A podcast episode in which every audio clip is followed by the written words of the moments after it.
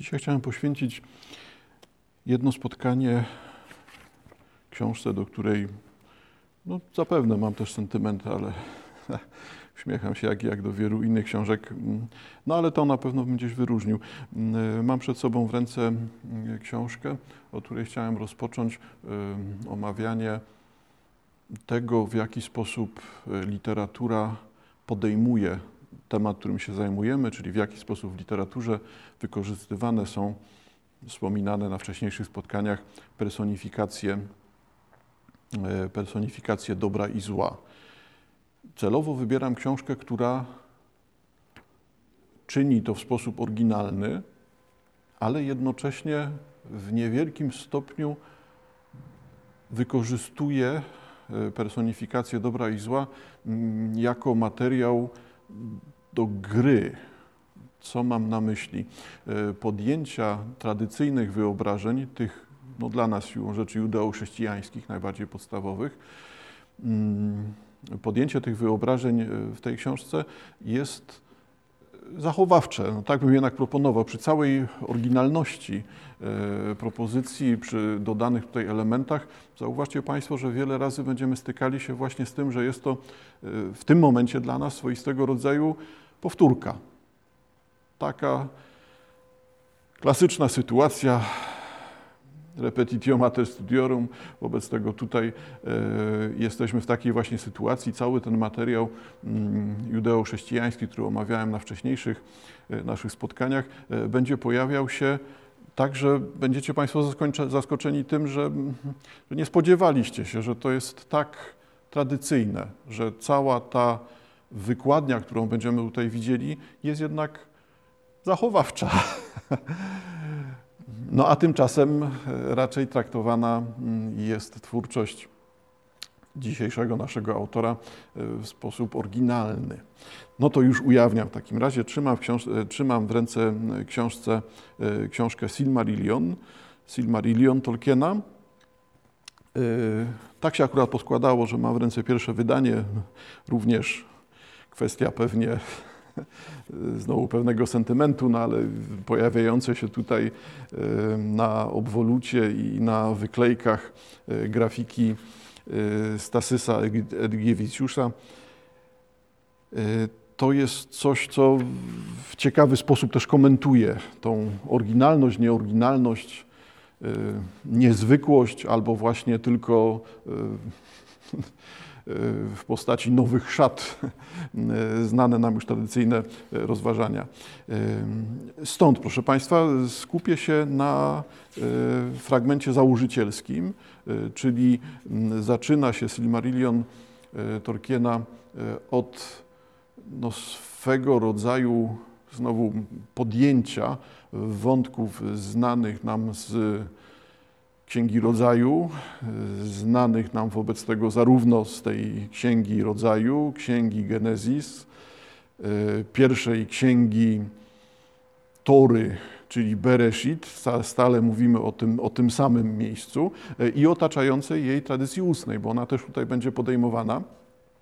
I suma tego wszystkiego da nam coś, co brzmi niezwykle, chyba do dzisiejszego dnia Brzmi to bardzo oryginalnie, a tymczasem ta oryginalność taka wielka nie jest.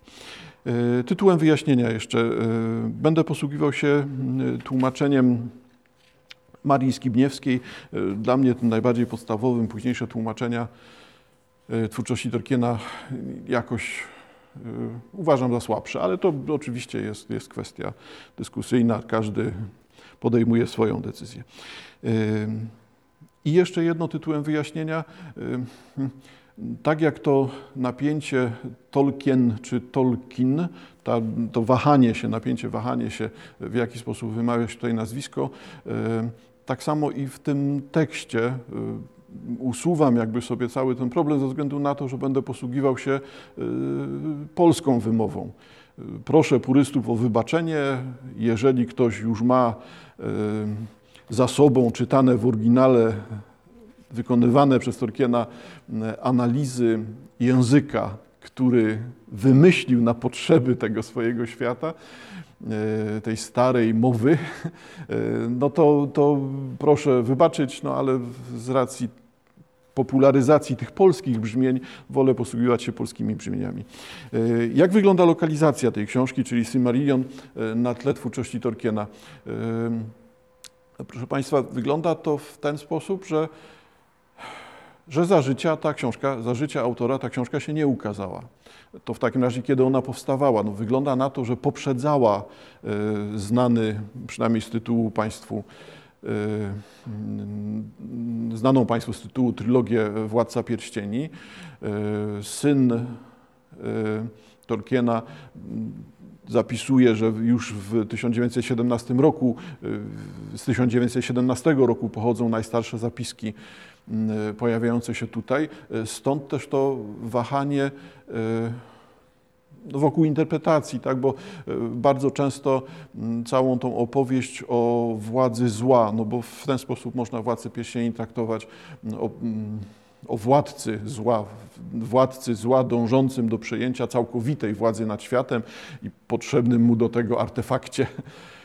Mm, już jak, jak najmniej o tym, co nas dzisiaj nie interesuje. E, e, wobec tego często ludzie kojarzą to z realiami drugowojennymi, a tymczasem tu, jeżeli szukamy takich zależności historycznych, jeżeli w ogóle należałoby ich tutaj szukać, no to można by tej genezy szukać w wydarzeniach, ale w wydarzeniach pierwszej wojny.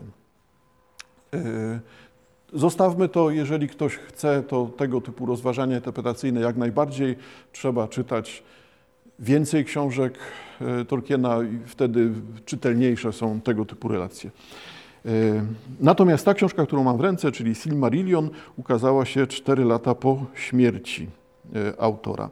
E, kilka tego typu książek pojawiło się jako rodzaj długu spłacanego wobec ojca, czyli Christopher Tolkien proponuje, zbiera tutaj materiały po ojcu i w postaci kilku takich publikacji zbiorczych te pozostałe jeszcze elementy, fragmenty ukazują się drukiem.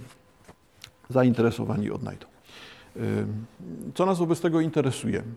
W dużej mierze dzisiaj skupiam się na samej eksplikacji tekstu, czyli zależy mi na tym, żebyście Państwo usłyszeli, jak ten tekst brzmi i traktujemy to właśnie jako aktualizację tego materiału o wyobrażeniach judeo-chrześcijańskich, który e, pojawiał się wcześniej. Także komentarze, myślę, niewielkie, skupiamy się na brzmieniu samego tekstu. No i patrzę na pierwsze zdanie i widzę, że zamiast czytać, to jednak będzie od razu komentarz. Zauważcie Państwo, że e, to wszystko jest bardzo świadomym działaniem. To nie polega na tym, że my tu wkładamy jakąś interpretację, szukamy sensów, tylko jest to bardzo świadomym założeniem widocznym e, w tekście. Pierwszy rozdział Silmarillionu zaczyna się od sformułowania na początku był Eru.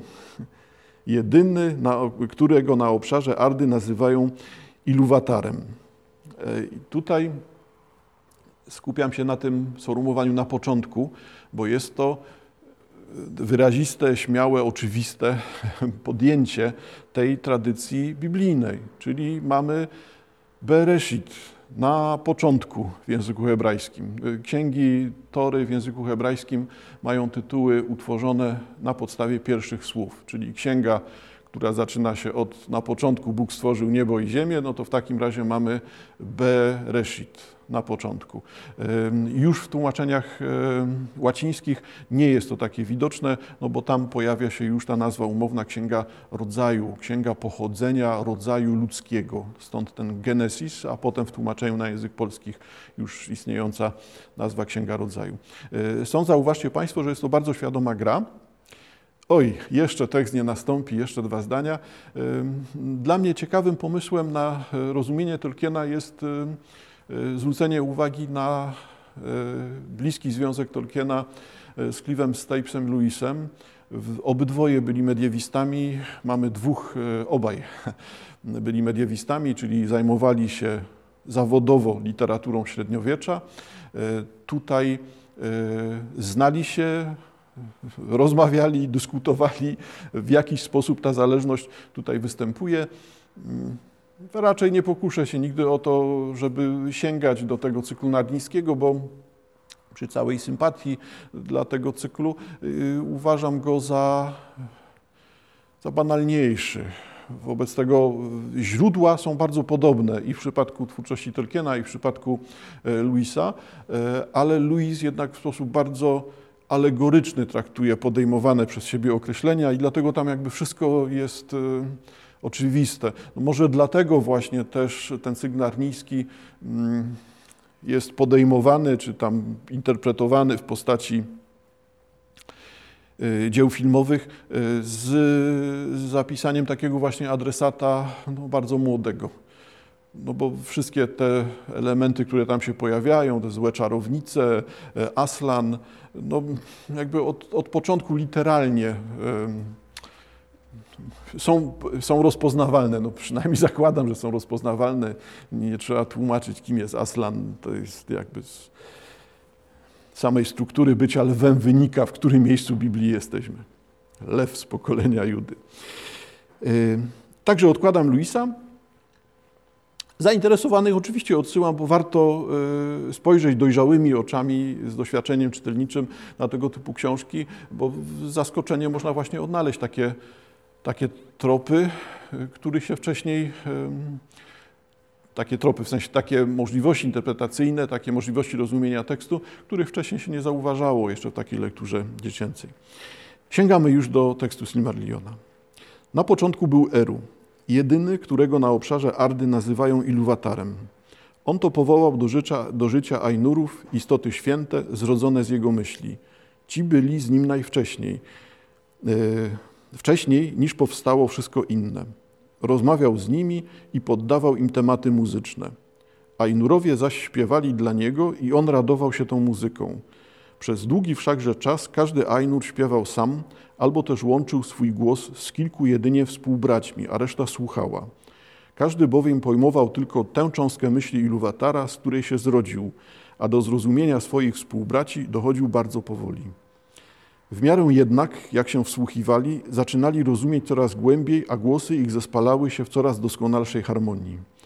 Aż wreszcie Iluwatar zgromadził wszystkich Ainurów i objawił im potężny temat, odsłaniając rzeczy większe i wspanialsze niż ten, niż te, które im przedtem dał poznać. A blask początku i wspaniałość zakończenia tak olśniły Ainurów, że pokłonili się Iluwatarowi w milczeniu.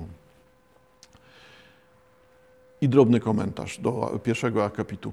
Y, pomysł na to, żeby stworzenie świata ilustrować, ilustrować, opisywać tutaj, tak, y, poprzez utwory muzyczne, też nie jest oryginalny, dlatego że tego typu koncepcja pojawia się, znaczy ja znowu wolę ten tryb mediewistyczny, nie szukam wcześniejszych genez, e, pojawia się w okresie średniowiecza e, bardzo mocno podkreślana, że otacza nas muzyka sfer, że to, co tworzy Bóg, jest dźwiękiem, muzyką, e, czymś, co najłatwiej jest wyjaśniać właśnie jako utwór muzyczny, komponowany, utwór oparty na harmoniach, no bądź na dysonansach i w ten sposób opowieść o tym, co jest harmonijne, dobre, o tym, co jest zgrzytliwe, fałszywe, złe, zaczyna no, zyskiwać taki właśnie wymiar. Także to,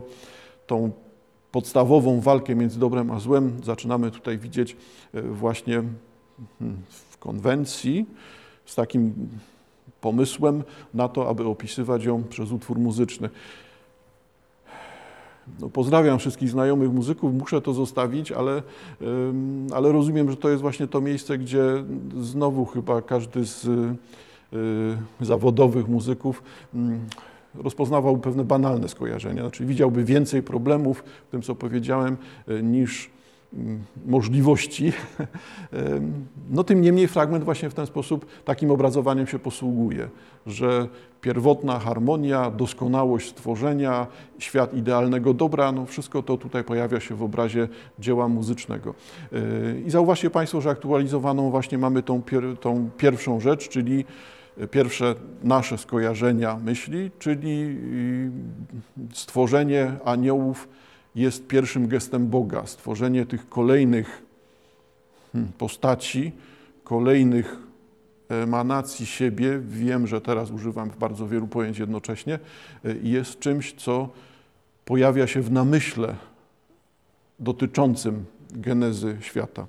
Czyli znowu, uwagi takie jak wspominałem, to jest bardzo tradycyjny sposób jednak myślenia, obrazowania sobie początków świata, początków dobra, genezy zła i tak. Pokłonili się Iluwatorowi w milczeniu. Wracam do tekstu. Wówczas rzekł: Chcę, abyście z tego tematu, który wam objawiłem, rozwinęli harmonijną, wielką muzykę. Ponieważ natchnąłem was niezniszczalnym płomieniem, możecie, jeśli chcecie, wzbogacić temat własnymi myślami i pomysłami. A ja będę słuchał i radował się, że za waszą sprawą wielkie piękno wcieli się w pieśni. Wtedy głosy Ainurów na podobieństwo harfi lutni fletów i trąb, wioli i organów i niezliczonych chórów wyśpiewających słowa zaczęły kształtować z tematu Iluwatara wielką muzykę. Z przeplatających się nieustannie zmiennych melodii wzbiły się harmonijne dźwięki i popłynęły poza zasięg słuchu w głębie i wysokości, wypełniły przestrzeń, którą zamieszkiwał Iluwatar, przelały się przez jej granice. Muzyka i echa muzyki rozlegały się w pustce, aż przestała być pustką. Nigdy już później Ainurowie nie stworzyli równie wspaniałej muzyki, chociaż powiedziane jest, że chóry Ainurów i dzieci Iluwatara zaśpiewają piękniejszą jeszcze pieśń przed jego obliczem po dopełnieniu się dni. Wówczas dopiero objawione przez niego tematy znajdą wyraz doskonały i w tym samym momencie staną się bytem, gdyż każdy będzie już w pełni rozumiał jego myśl zawartą w przydzielonej sobie cząstce, i będzie wiedział, że pozostali pojmują równie dobrze swoje cząstki, a Iluwatar natchnie ich tajemnym ogniem i będzie się radował. W tamtej wszakże godzinie Iluwatar słuchał i przez pewien czas wydawało się, że jest to dobra muzyka, bo nie było w niej skazy. Od tego ostatniego, znowu drobny komentarz, naprawdę postaram się już komentarze najkrótsze dawać. Zauważcie Państwo, że dalej te stylizacje biblijne się pojawiają, stylizacje w oryginale widoczne, podejmowane tutaj przez y, tłumaczkę, czyli panią Marię Skibniewską, no bo nie było w nim skazy, to jest odpowiednik tego, co pojawia się w tłumaczeniach polskich Księgi Rodzaju. Wiedział Bóg, że były dobre. Stworzył Bóg niebo i ziemię wiedział Bóg, że były dobre. I za każdym razem powraca to samo określenie akcentujące etyczny wymiar stworzenia. E, wcześniejsze uwagi, e, wcześniejsze zdania, które słyszeliśmy. No, zauważcie Państwo, znowu mamy to samo, czyli e, stan pierwotnej doskonałości ulega,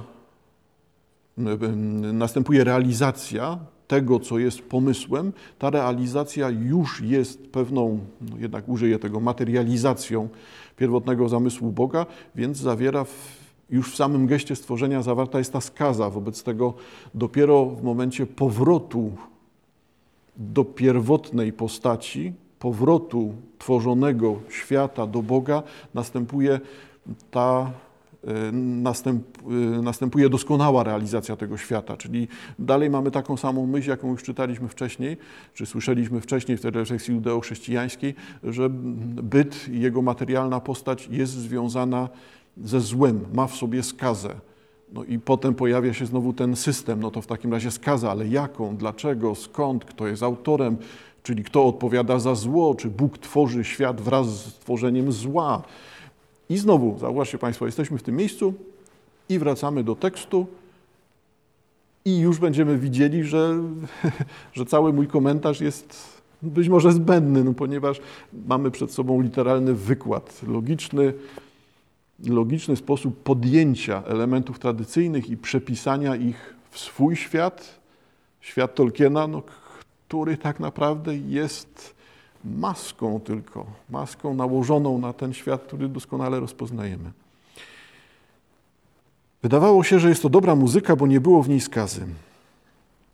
Lecz gdy temat rozwijał się dalej, w sercu Melkora zbudziła się chęć, żeby wpleść wątki wysnute z własnej wyobraźni, niezgodne z tematem Iluwatara. Chciał bowiem w ten sposób przydać swojej roli więcej mocy i blasku. Melkorowi dana była szczególna władza i wiedza.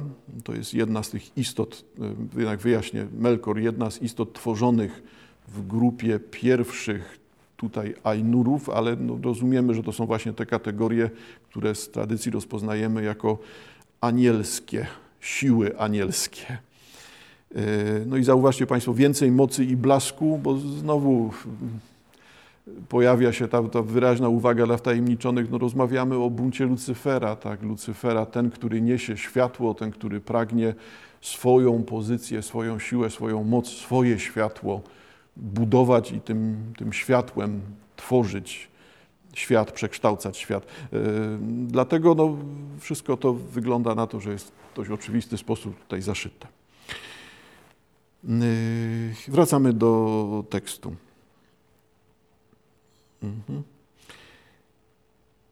Y, Melkorowi dana była szczególna władza i wiedza, a nadto udział we wszystkich darach rozdzielonych pomiędzy innych jego braci Ainurów. Często zapuszczał się samotnie w puste przestrzenie, szukając niezniszczalnego płomienia, paliła go bowiem żądza stworzenia bytu własnego pomysłu. Wydawało mu się, że Iluwatar nie ma żadnych planów co do pustki i niecierpliwie pragnął ją po swojemu wypełnić. Nie znalazł jednak płomienia, który należy wyłącznie do Iluwatara. Tutaj Państwo widzicie tekstu płomień z dużej litery jako ta główna moc twórcza. Tak. Mm, wyłącznie Iluwatara, a ponieważ wiele czasu spędzał w samotności, wylęgły się w jego sercu myśli odmienne niż myśli innych Ainurów. Niektóre z tych własnych myśli wprowadził do swojej muzyki i natychmiast powstały jaskrawe dysonanse, a ci, co śpiewali obok niego, zbici z tropu i zaniepokojeni, zgubili wątek melodii. Kilku zaś spróbowało dostroić ją do głosu Melkora, zamiast urzeczywistniać pierwotny zamysł.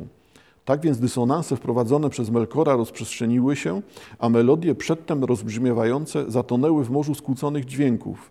Iluwatar słuchał i czekał, aż wreszcie, jak gdyby burza rozszalała się nad jego tronem, czarne fale ścierały się ze sobą w straszliwym gniewie i zdawało się, że nic innego nigdy już, yy, nigdy już ich nie uśmierzy. Dwa zdania komentarza. Zauważcie Państwo, mamy znowu te tradycyjne sytuacje. Na czym polega bunt zła, czy powstanie zła, bunt tego zła, w jaki sposób tutaj Melkor tradycyjnie Lucyfer podejmuje, przejmuje władzę nad częścią aniołów, czy przeciąga te anioły na swoją stronę i w jaki sposób one zaczynają dominować. Stają się siłą, która wypełnia świat, siłą wymagającą reakcji pierwotnego Stwórcy. I ciąg dalszy. Wtedy Iluwatar wstał i Ainurowie zobaczyli, że się uśmiecha. Podniósł lewą rękę i natychmiast z chaosu wyłonił się nowy temat – zarazem podobny i niepodobny do pierwotnego, a muzyka stopniowo nabierała nowej siły i piękności, lecz dysonanse Melkora znowu się wzbiły z grzytem ponad inne głosy i wojna dźwięków rozpętała się jeszcze gwałtowniej. Wielu Ainurów w przygnębieniu umilkło, więc głos Melkora wziął górę nad całą muzyką. Po raz drugi Iluwatar wstał i tym razem oblicze jego było surowe. Podniósł prawą rękę i oto trzeci temat wyłonił się z chaosu, odmienny od obu poprzednich. Z początku bowiem zdawał się łagodny i słodki, ledwie szemrzący melodyjnymi, cudnymi dźwiękami, lecz nie dawał się przytłumić, wzmagał się stopniowo i pogłębiał. W końcu brzmiało to tak, jakby przed tronem Iluwatara rozwijały się jednocześnie dwie symfonie, całkowicie różne. Jedna głęboka, rozlewna i piękna, lecz powolna i nasycona bezgranicznym smutkiem, który zdawał się głównym źródłem jej piękności. Druga osiągnęła wprawdzie teraz jaką swoją, jakąś swoją własną spójność, lecz była hałaśliwa, próżna i powtarzała swe motywy w nieskończoność.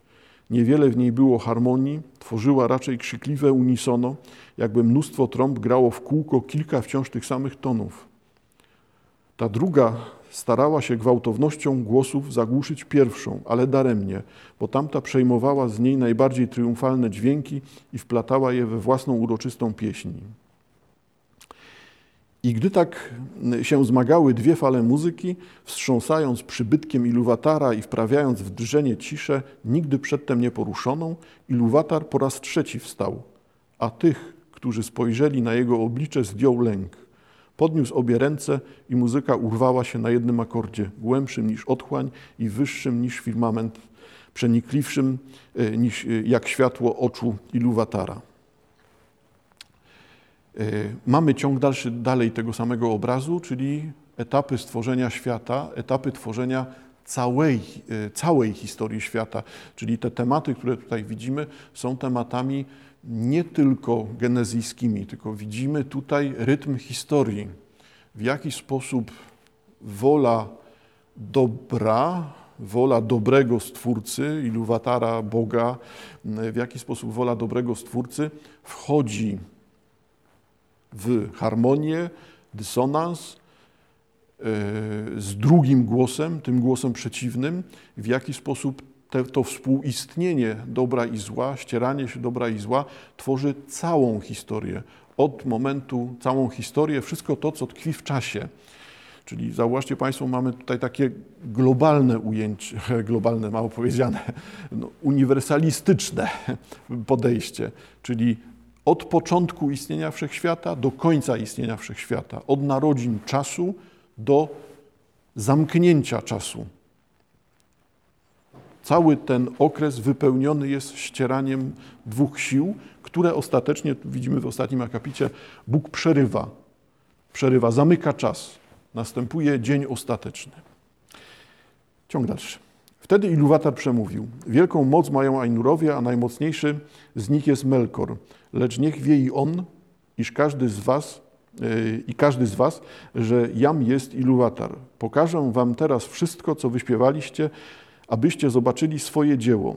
Ty zaś, Melkorze, przekonasz się, że nie można wprowadzić do symfonii żadnego tematu, który by w istocie nie miał swojego źródła we mnie i że nie uda ci się zmienić tej muzyki na przekór mojej woli.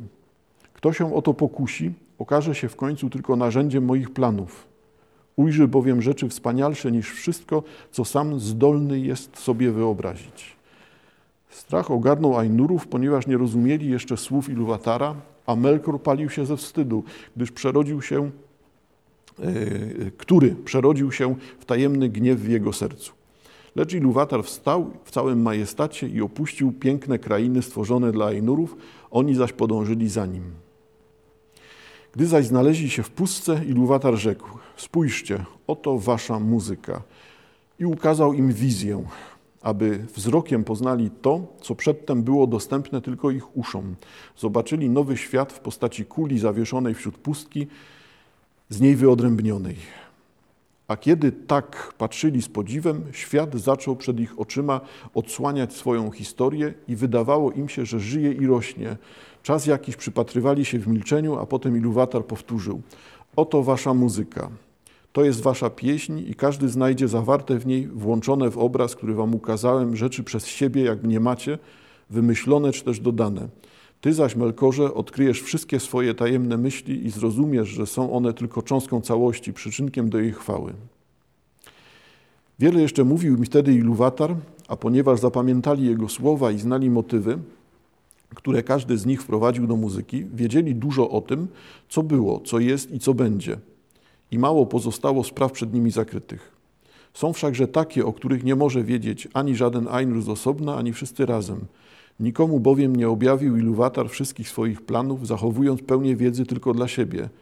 To też w każdej erze przybywało coś całkowicie nowego i niemożliwego do przewidzenia z góry, ponieważ nie było wywiedzione z rzeczy wcześniejszych. Tak się stało, że w wizji świata, roztoczonej wtedy przed ich oczyma, Ainurowie ujrzeli rzeczy, o których wcale nie myśleli, tworząc muzykę. Ze zdumieniem zobaczyli dzieci Iluwatara i siedzibę dla nich przygotowaną. Dzieci Iluwatara oznaczają tu wszystkie istoty tworzone w świecie, tworzone w wyniku zamysłu Iluwatara, czyli to nie chodzi o właśnie pierwotne zastępy anielskie, dobre czy złe. E, chodzi już o tych, którzy należą do wszechświata, należą do czasu, tych, którzy należą do historii. Wszystkie istoty, z którymi teraz się spotkaliśmy, to są istoty poza e, wszechświatem, poza czasem, poza historią.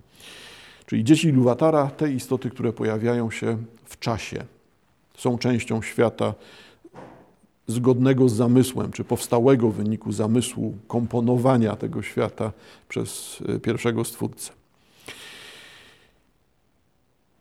E, ze zdumieniem zobaczyli dzieci Iluwatara i siedzibę dla nich przygotowaną. Zrozumieli, że to oni, kształtując symfonię, pracowali nad utworzeniem tej siedziby. Nie wiedzieli jednak, że ma ona służyć jakiemuś innemu celowi, a nie tylko być piękna sama w sobie. Dzieci swoje stworzył bowiem Iluwatar sam, a zjawiły się dopiero wraz z trzecim tematem.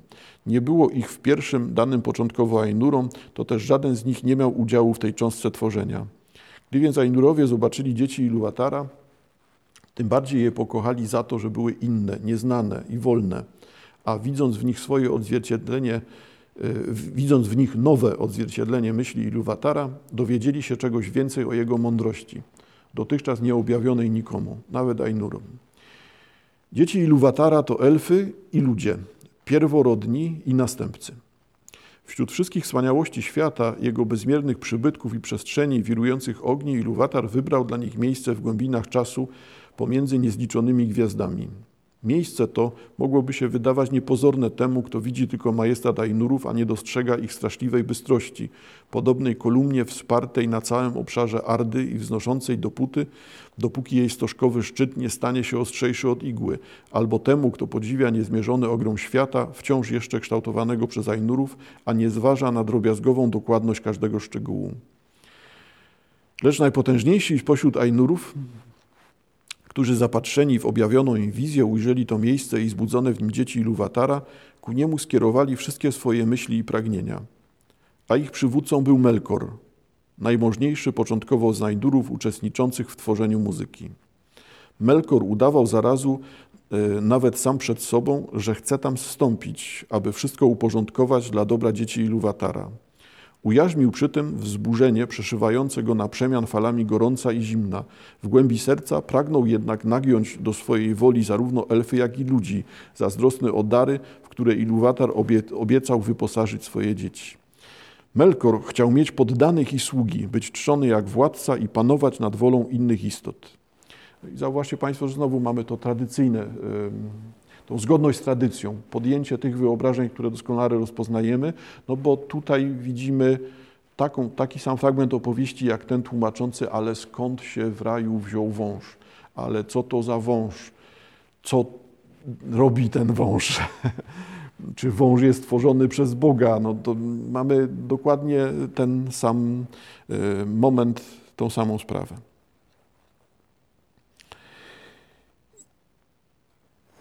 I wracamy do naszego tekstu. Dlatego Melkor, jeszcze raz to zdanie, chciał mieć poddanych i sługi, być czczony jak władca i panować nad wolą innych istot. Bo to jest tak samo jak definicja zła w wyobrażeniach judeo-chrześcijańskich. Mamy osobę, osobę będącą władcą, przejmującą władzę nad światem, wyrzucającą wyzwanie Bogu. Tutaj ten Melkor, odpowiednik Lucyfera. Tymczasem pozostali Ainurowie spoglądali na siedzibę zgotowaną dla dzieci Iluwatara pośród bezmiernych przestworzy świata i nazwaną przez elfy Ardą, czyli ziemią. Cieszyli się światłem, sycili oczy różnorodnością kolorów i serca ich wypełniała wielka radość, zmieszana jednak z wielkim niepokojem, bo morze szumiało gwałtownie. Badali wichry, powietrze i wszystkie elementy, z jakich była utworzona Arda, żelazo, skały, srebro, złoto i mnóstwo innych składników, lecz najbardziej zachwycała ich woda. Eldarowie powiadają, że w wodzie właśnie przetrwało do dziś wierniejsze niż gdzie indziej na tej ziemi echo pierwotnej muzyki Ainurów. To też wielu dzieciom Iluwatara nigdy się nie sprzykrzą głosy morza, chociaż nie wiedzą, co w nich naprawdę słyszą. Ten spośród Ainurów, któremu elfy nadały imię Ulmo, poświęcił wszystkie swoje myśli w wodzie, a miał on od Iluwatara dal najgłębszego rozumienia muzyki. Powietrzem i wiatrem zajmował się głównie Manwę, najdostojniejszy z Ainurów. Tkankę ziemi wziął pod swą opieczę Aule, niewiele ustępujący Melkorowi umiejętnościami i wiedzą, lecz znajdujący przyjemność i chlubę w tej samej pracy stworzenia i zaletach dzieł, nie zaś w posiadaniu ich ani w własnym mistrzostwie. Aule lubił rozdawać, nie gromadzi swoich wyrobów, jest więc wolny od trost i kończąc jedną robotę zabiera się ochoczo od następnej. Zauważcie Państwo, że tutaj mamy tą, tą specjalizację, czyli istoty pierwsze istoty tworzone przez Boga stają się opiekunami, patronami, zajmują się poszczególnymi częściami świata czy aspektami y, działalności ludzkiej. Znowu mówię o tej zbieżności z wyobrażeniami judeo-chrześcijańskimi. Rzekł Luwatar do Ulma. Czy nie widzisz, że tutaj, w tym małym królestwie w głębinach czasu, Melkor wypowiedział ci wojnę w twojej własnej dziedzinie, wynalazł ostre i bezlitosne mrozy, lecz nie udało mu się zniszczyć piękna twoich dzieł, e, źródeł i czystych jezior. Spójrz na śnieg, na przemyślane rzeźby szronu. Melkor wymyślił piekący żar i nieokiełznany ogień, lecz nie zdołał wysuszyć w twoim sercu pragnień, ani też stłumić całkowicie muzyki morza. Podnieś lepiej wzrok ku wyżynom, przyjrzyj się chwale obłoków i wciąż zmieniającym się mgłą, posłuchaj szumu deszczu zraszającego ziemię. Obłoki przybliżą cię do przyjaciela, którego kochasz i który ma na imię Manwę. Na to odpowiedział Ulmo. Zaprawdę woda stała się jeszcze, jeszcze piękniejsza niż była w mojej wyobraźni. Nigdy też nawet w najstyczszych myślach nie wymarzyłem płatków śniegu, ani też w swojej muzyce nie wyśpiewałem szmeru deszczu. Pójdę teraz do Manwego i we dwóch będziemy tworzyć melodię ku wiecznej Twej radości. Tak więc od początku Ulmo i Manwe sprzymierzyli się ze sobą i we wszystkich sprawach najwierniej służyli zamysłom Iluwatara. I znowu mamy tutaj odbicie tych sił dobra, które są najbliżej Boga i nigdy nie ulegają skazie. Znowu przypominam odwołania do tych tradycji już nam znanych. Gdy Ulmo jeszcze odpowiadał, odpowiadał Iluwatarowi, a wszyscy Ainurowie stali zapatrzeni, wizja oddalała się, aż wreszcie została zasłonięta przed ich oczyma i wydawało im się, że w tej samej chwili ujrzeli coś nowego, ciemność, którą przedtem znali tylko w myślach. Zakochali się w pięknie wizji i wielkim, z wielkim przejęciem śledzili, jak się odsłania przed nimi historia stającego się świata, lecz nie poznali jej w pełni, bo wizja zniknęła, zanim zamknęły się kręgi czasu. Niektórzy Zajnurów mówili, że stracili ją z oczu przed nastaniem ery panowania ludzi i zmierzchem pierworodnych. Tak tedy, chociaż muzyka objęła wszystko, Walarowie nie zobaczyli czasów późniejszych ani końca świata. Zauważcie Państwo, mamy jeszcze raz tą samą sytuację, czyli wiedza o całości, jakby całość tego zamierzenia jest znana tylko pierwszej istocie, pierwszemu Stwórcy. Reszta tych istot to są jednak istoty podrzędne wobec Twórcy i dlatego nie znają całego losu świata, nie mają wiedzy na temat tego, jak to ostatecznie wygląda. Chociaż są tymi mocami, tronami, które to imiona padły już wcześniej. E, zrodził się w nich wówczas niepokój, lecz Iluwatar przywołał ich i rzekł: Wiem, czego pragną wasze serca, oby to, co wam się objawiło, stało się bytem prawdziwie, takim, jakim wy sami jesteście, a zarazem odmienny od was. Dlatego powiadam, Ea, niech się stanie. I wysyłam w pustkę mój niezniszczalny płomień, który będzie się palił w sercu świata, a świat ten będzie istniał prawdziwie. Ci spośród was, którzy tego pragną, mogą tam stąpić. I nagle Ainurowie ujrzeli w dali światło, jak gdyby obok z żywym sercem z płomienia i zrozumieli, że to nie jest już wizja tylko, lecz rzecz nowa stworzona przez Iluwatara. Ea, świat, który jest. Tak się stało, że część Ainurów wciąż jeszcze mieszka wraz z Iluwatarem poza obrębem świata, inni zaś, a między nimi wielu spośród najmożniejszych i najpiękniejszych, pożegnali Iluwatara i stąpili na świat. Lecz Iluwatar postawił im, im warunek, lub może miłość tego e, od nich zażądała, aby odtąd cała ich władza ograniczała się do obrębu świata i z nim była związana raz na zawsze, dopóki się wszystko nie dopełni, aby w ten sposób oni stali się życiem świata, a świat ich życiem. Dlatego nazwano ich walarami, to jest potęgami świata. Czy nic z tego, co im wizja objawiła, nie było jeszcze gotowe, lecz dopiero się poczynało i czekało na ukształtowanie w ciemnościach. Wielka muzyka była bowiem jedynie tworem i wykwitem myśli w pozaczasowych przestrzeniach, a wizja zapowiedzią. Teraz Walarowie znaleźli się u początku czasu i zrozumieli, że muszą wypełnić zarysy dane im w wizji i zapowiedziane w pieśni.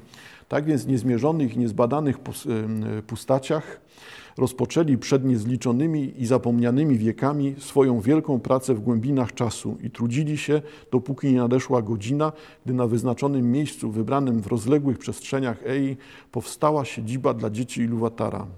Największy udział w tych pracach mieli Manwe, Alb, Aule, Ulmo, lecz był z nimi także od pierwszej chwili Melkor, który we wszystko się wtrącał i w miarę możliwości starał się każde dzieło podporządkować własnym życzeniom i celom. On też rozpalił wielkie ognie. Gdy ziemia była jeszcze młoda i ognista, zapragnął ją posiąść i rzekł, posiąść i rzekł do innych walarów. To będzie wyłącznie moje królestwo, biorę je sobie na własność. Nie dopuścił do tego Manwę, brat, Mel, brat Melkora, jak on zrodzony z myśli Iluwatara, główny wykonawca drugiego tematu, który Iluwatar wprowadził do wielkiej muzyki, aby zagłuszyć dysonansę Melkora. Manwę przywołał mnóstwo duchów większych i mniejszych, aby stąpiwszy na pola Ardy obroniły ją przed Melkorem i nie pozwoliły zniszczyć jej ogniem, zanim nie osiągnie pełni rozkwitu. Rzekł tedy Manwę do Melkora – nie weźmiesz sobie na wyłączną własność tego królestwa, bo ci się ono nie należy, skoro wielu innych trudziło się nad jego ukształtowaniem nie mniej od ciebie. Rozgorzał spór i sprzymierzeni z Manwem Walarowie, tym razem zmusili Melkora do odwrotu. Wycofał się wówczas w inne strefy świata, gdzie mógł robić co zechciał, lecz rządza panowania nad Ardą nie wygasła w jego sercu. E, gdybyśmy tak na to popatrzyli, na opowieść tutaj proponowaną przez Tolkiena i tą opowieść, która jest kontynuowana we Władcy Pierścieni, bo rozumienie Władcy Pierścieni wymaga tego, żeby znać genezę, rozumieć, z czego wynikają zależności między tutaj osobami, czy jakie napięcia pojawiają się w najpopularniejszym dziele Tolkiena, czyli we Władcy Pierścieni. No, czyli zauważcie Państwo, z tego punktu widzenia mamy do czynienia z opowieścią o wojnie, wojnie sił dobra ze zła, w pierwszej wojnie, tutaj słyszeliśmy, za chwilkę ta wojna jeszcze będzie trwała, będzie miała swój pierwszy finał, ale ta wojna będzie dalej się utrzymywać. I z tego punktu widzenia Władca Pierścieni jest niczym innym jak etapem trwania tej wojny dobra ze złem. Yy, Walarowie walczą z Melkorem o władzę nad światem. Jeszcze sięgamy do tekstu. Już niewiele zostało z tego mitu założycielskiego, wyobraźni no, śródziemia, dotyczącej śródziemia. Teraz Walarowie przeoblekli się w kształt i barwę, a ponieważ przyciągnęła ich na świat miłość do mających się narodzić dzieci Iluwatara, wybrali sobie postać na wzór i podobieństwo tych istot, które Iluwatar objawił w wizji, lecz bardziej dostojną i wspanialszą. Postać ich kształtowało raczej to, co widzieli, y, co wiedzieli o świecie widzialnym, niż to, co wiedzieli o jego istocie. Poza tym nie jest im ona koniecznie potrzebna, używają jej jak my szat, a my przecież nawet nadzy nie tracimy nic ze swojej istoty. To też Walarowie chadzają czasem nieprzyodziani i wtedy nawet Eldarowie e, nie mogą ich wyraźnie widzieć, chociaż są przy nich blisko. Jeśli wszakże przybierają widomy kształt, to jedni męski, inni żeński, bo taki podział istniał między nimi od początku i to on wyraził się w wyborze postaci. Nie był, on wszak, nie był to wszakże wybór dowolny, podobnie jak nikogo z nas sama szata nie czyni kobietą lub mężczyzną, chociaż obyczaj zwykle przeznacza każdej płci odmienne ubiory.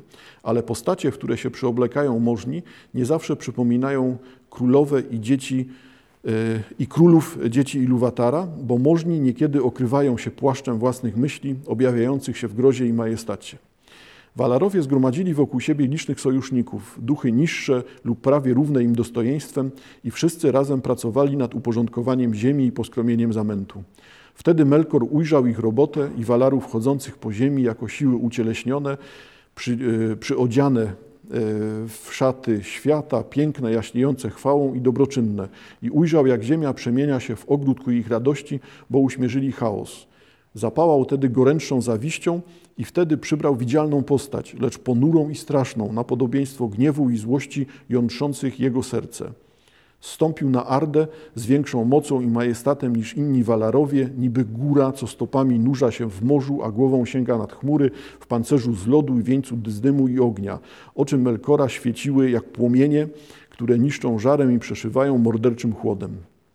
Tak oto zaczęła się pierwsza bitwa Walarów z Melkorem o ład świata. O tych burzliwych wydarzeniach elfy niewiele wiedzą. To, co tutaj zostało opisane, opowiedzieli im sami Walarowie, gdy w Walinorze rozmawiali z ludem Eldarów, Eldali i pouczali go. Walarowie wszakże niechętnie wspominali o wojnach toczonych jeszcze przed pojawieniem się na świecie elfów. Mówiono jednak w plemieniu Eldaru, że Walarowie, opierając się Melkorowi, dążyli wciąż do wprowadzenia ładu na ziemi i przygotowania jej na przyjęcie pierworodnych. Budowali krainy, a Melkor je burzył. Żłobili doliny, Melkor je zasypywał. Rzeźbili góry, góry, a Melkor je obalał. Drążyli wklęsłe dna mnóż, a Melkor przelewał ich wody przez brzegi. Nic nie mogło spokojnie trwać ani rozwijać się, bo cokolwiek Walarowie zaczynali robić, Melkor unicestwiał lub psuł owoce ich pracy. Mimo to niecały trud walarów poszedł na marne, a chociaż żadne z dzieł nie urzeczywistniło w pełni ich woli i zamiarów, chociaż każda rzecz różniła się w kształtach i barwach od pierwotnego zamysłu, ziemia zwolna została ukształtowana i umocniona. I tak wreszcie było przygotowane pomieszkanie dla dzieci Iluwatara w głębinach czasu i pośród mnogości niezliczonych gwiazd. Jak widzimy, opowieści o etapach walki, o wojnach e, dobra ze złem e, stanowią tutaj mm, osnowę świata Śródziemia, tego świata Ardy, świata tworzonego przez autora. Uśmiecham się, bo dotykam takich bardzo zawiłych znowu kwestii, kto kogo tworzy, jaka jest specyfika istnienia dzieła literackiego.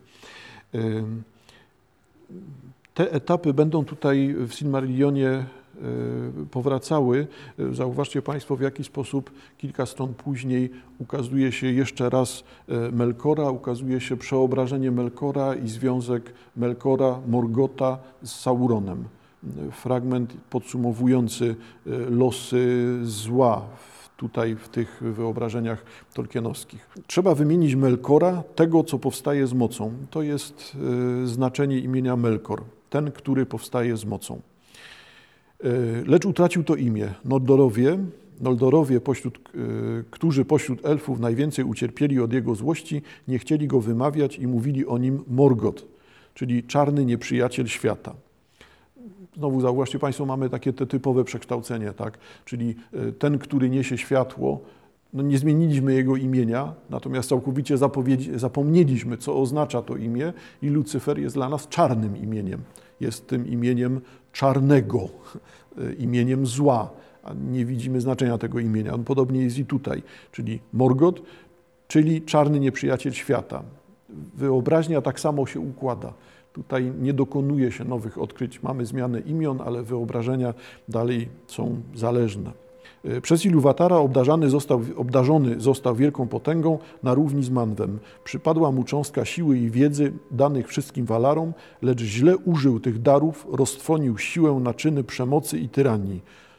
Pożądał bowiem Ardy i wszystkiego, co na niej istniało, zazdrościł Manwemu królewskiej władzy i zwierzchnictwa nad dziedzinami innych Walarów. Był wielki, lecz, le, lecz, przez pychę zaczął gardzić wszystkimi poza sobą, aż stał się duchem niszczycielskim i bezlitosnym.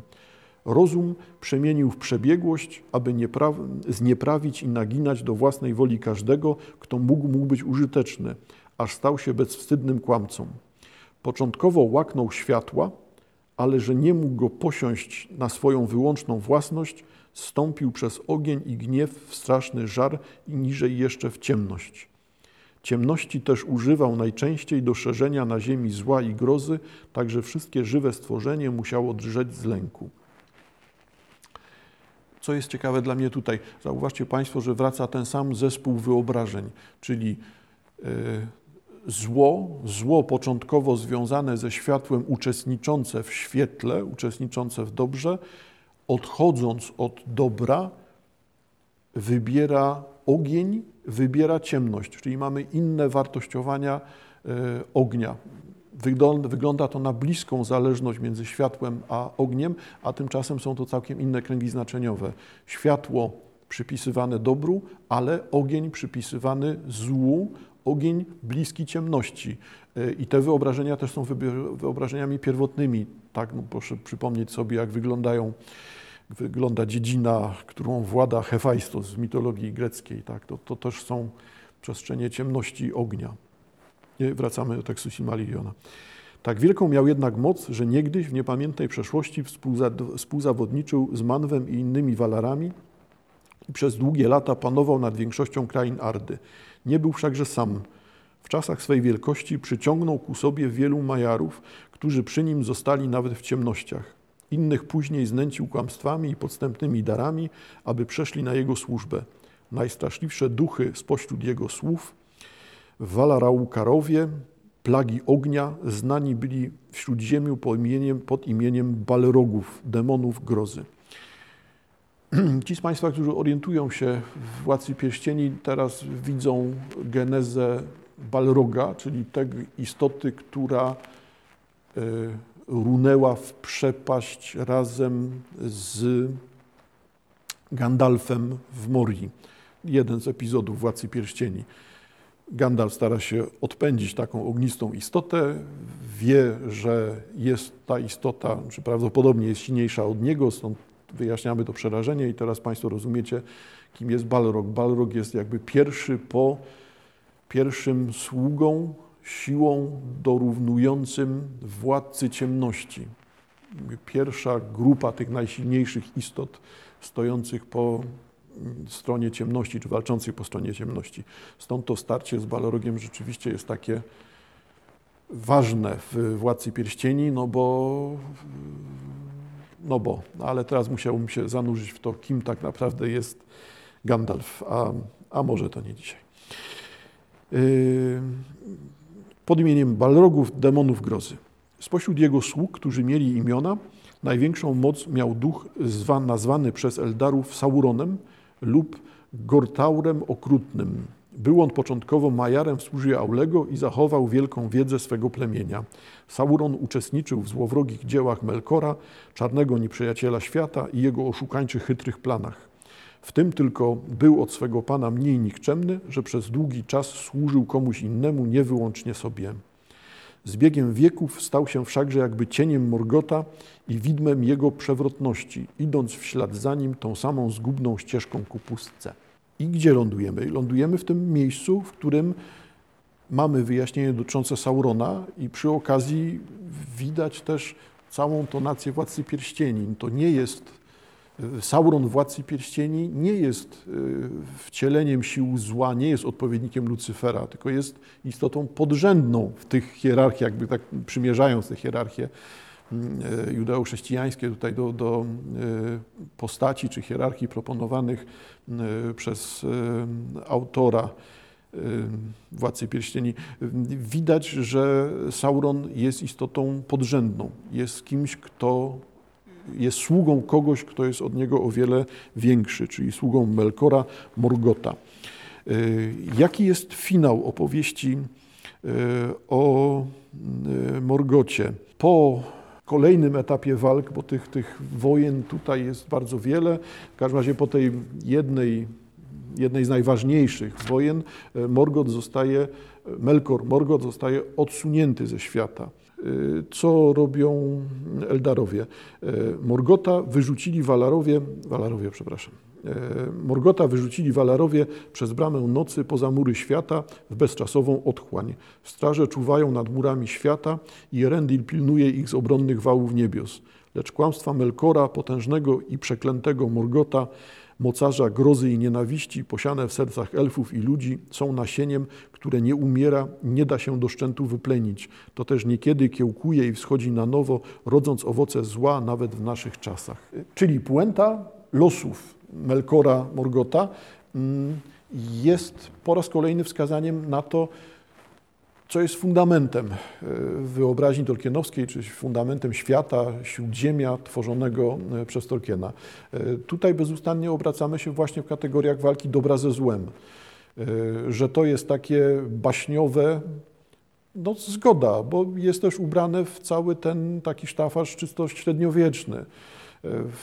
Wszystkie przedmioty, postacie, zachowania, no wszystkie one wynikają jakby z wiedzy Mm, rzeczowej e, Tolkiena. Wspominałem o tym na początku. E, co jest ciekawe, w, jeżeli już widzicie Państwo, w jaki sposób można podjąć personifikację dobra i zła, w jaki sposób można je ubrać w nowe szaty, w jaki sposób można je uporządkować, tworząc coś oryginalnego, ale jednocześnie coś całkowicie czytelnego, no bo e, oryginalność Tolkiena polega raczej na tych szatach, a nie na tym, że buduje coś od zera. Tutaj mamy znaną nam opowieść, tylko znaną nam opowieść, rozpoznawalną opowieść ubraną w nową myśl, jakby tworzenie nowego mitu, mitu mitów. No ale roztrząsanie Tolkiena zostawmy.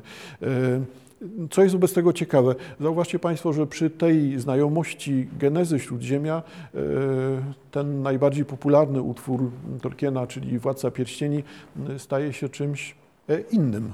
Znaczy, moim zdaniem, innym odbiorze, bo coś, co wygląda na jakąś przerażającą historię, wielką opowieść o niezwykłych rzeczach i o starciu dobra ze złem, w rzeczywistości jest z założenia tylko cieniem tych pierwotnych bitew. Nie patrzymy na nic ważnego. Piszemy, patrzymy, czy śledzimy, e, śledząc losy pierścienia, tego rekwizytu, wokół którego obraca się fabuła popularnej powieści, e, śledząc losy pierścienia, e, nie śledzimy czegoś niezwykłego. Widzimy tylko coś, co jest okruchem, fragmentem, małym detalem całej potężnej historii, która rozgrywała się wcześniej i będzie rozgrywała się później. Dlatego akcent, który przed chwilą mm, Akcent, który przed chwilą tutaj widziałem, e, dotyczy, zauważcie Państwo, tych wymiarów, wymiarów współczesnych. Zło, zło tego Melkora, Morgota, nasienie, które nie umiera, nie da się do szczętu wyplenić. To też niekiedy kiełkuje i wschodzi na nowo, rodząc owoce zła nawet w naszych czasach. Trzymając się takiego rozpoznawalnego przykładu, zauważcie Państwo, że e, tekst no, ogólnie znany, tak sądzę, tekst dżumy Kami y, y, kończy się tymi samymi sformułowaniami. Dokładnie tak brzmi. Tam puenta losów dżumy, czyli tego zła istniejącego na świecie, y, tutaj pojawia się w tych samych sformułowaniach, w tych samych zdaniach, tak, że dżuma nigdy nie umiera, zawsze powraca. Podobne brzmienia mamy tutaj. Interesujące w tak rozumianym Władcy Pierścieni jest bardzo duże zdystansowanie się, przynajmniej powinno występować to zdystansowanie się czytelnika do opisywanych wydarzeń. I też tłumaczy nam to specyfikę tej książki, która bardzo często jest e, pełna anegdot, e, scenek e, no, parodystycznych wręcz, czy takiej wyobraźni nie mitycznej, tylko, tylko baśniowej właśnie, bo, bo fabuły, które czytamy w Władcy Pierścieni są tymi opowieściami schyłkowymi. To już jest coś, co jest tylko cieniem, odbiciem, pozostałością, śladem dawnych czasów, taką no zgoda, no to jest taka pierwotna wyobraźnia mityczna, e, ale, znaczy obecna jest tutaj pierwotna wyobraźnia mityczna, e, ale ciekawe jest właśnie to, że śledzimy finał wydarzeń. Jak gdyby epicki charakter Władcy Pierścieni, e, moim zdaniem najciekawszy jest wtedy, kiedy widzimy, że to wszystko jest już po raz ostatni, że całość Władcy Pierścieni to jest zapis schyłku, odchodzenia, wymierania, czytamy, y, czytamy o samym finale opowieści. Nie ma autorów, nie ma twórców, nie ma tych wcześniejszych wydarzeń, które dzisiaj zarysowywałem, czy przypominałem Państwu za Silmarillionem. Y, widzimy tylko coś, co jest, no, czego wielkość polega na jakiejś drobnej bijatyce, potyczce, epizodzie, czymś, co podręczniku historii potem będzie wypełniało jedną linijkę, będzie tworzyło, będzie komentarzem do jednej daty. Z tego punktu widzenia e, całe te losy pierścienia, czy też zniszczenia pierścienia władzy, zauważcie Państwo, jaki mały mają rozmiar. Jak duża ta wyobraźnia podstawowa jest tutaj na pierwszym planie, czyli orientacja w tym, na czym polegają polega dobro i zło, na czym polegają te wyobrażenia, wcielenia, personifikacje dobra, zła, to opowieść podstawowa, a potem widzimy tylko mm, odpryski, ślady, detale z tej, z tej pierwotnej wielkiej historii. E, tak, ale oczywiście ja zdaję sobie sprawę z tego, że mówienie o tym, że tematyka dobra i zła e, jest jedną, jednym z podstawowych tematów e, w sztuce, tutaj w literaturze, no to jest wyważanie otwartych drzwi, no to jest jakby mm, pewna oczywistość. Mnie bardziej interesuje nie ta konstatacja, że dobro i zło jest fundamentem mm, myśli czy wyobraźni, tylko interesuje mnie ta symetryczność, interesuje mnie to współistnienie systemów, ta aktualizacja przeszłości, to, że potrafimy zobaczyć Władcę Pierścieni, zobaczyć, przeczytać Silmarillion, e, odkryć, że oglądamy, e, jesteśmy uczestnikami, świadkami, czytelnikami opowieści ogólnie nam znanej, czy opowieści, którą jesteśmy w stanie rozpoznawać. Dziękuję bardzo. Do następnego spotkania.